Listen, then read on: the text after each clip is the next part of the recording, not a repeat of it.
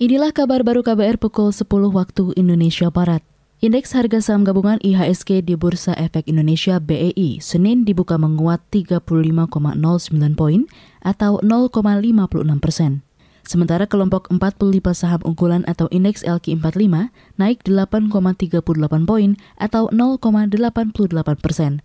Sementara transaksi antar bank di Jakarta pada Senin pagi nilai tukar kurs rupiah melemah 8 poin atau 0,05 persen dibandingkan posisi pada penutupan perdagangan pada pekan lalu. Survei indikator politik Indonesia menunjukkan lebih 32 persen masyarakat kurang bersedia untuk divaksin. Direktur Eksekutif IP, Burhanuddin Muhtadi mengatakan, hampir 9 persen lainnya menjawab sangat tidak bersedia divaksin. Kata dia, sebagian besar masyarakat menolak divaksin karena khawatir dengan efek sampingnya. Bersedia untuk bayar atau membeli vaksin atau tidak.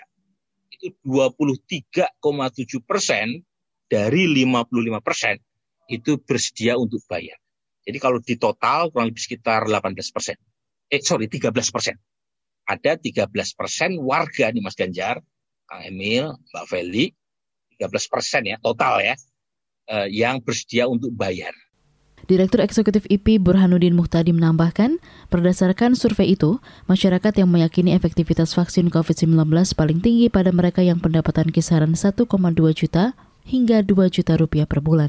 Survei indikator politik Indonesia digelar pada awal Februari dengan 1.200 responden menggunakan metode simple random sampling. Inisiator lapor COVID-19 Irma Handayani beralasan seharusnya pemerintah menuntaskan terlebih dahulu vaksinasi bagi kelompok prioritas kayaknya mesti menyelesaikan dulu kalau mengikuti rekomendasi WHO mesti menyelesaikan dulu tenaga kesehatan ini paralel dengan lansia kemudian mereka-mereka yang termasuk dalam kelompok rentan untuk terinfeksi COVID-19.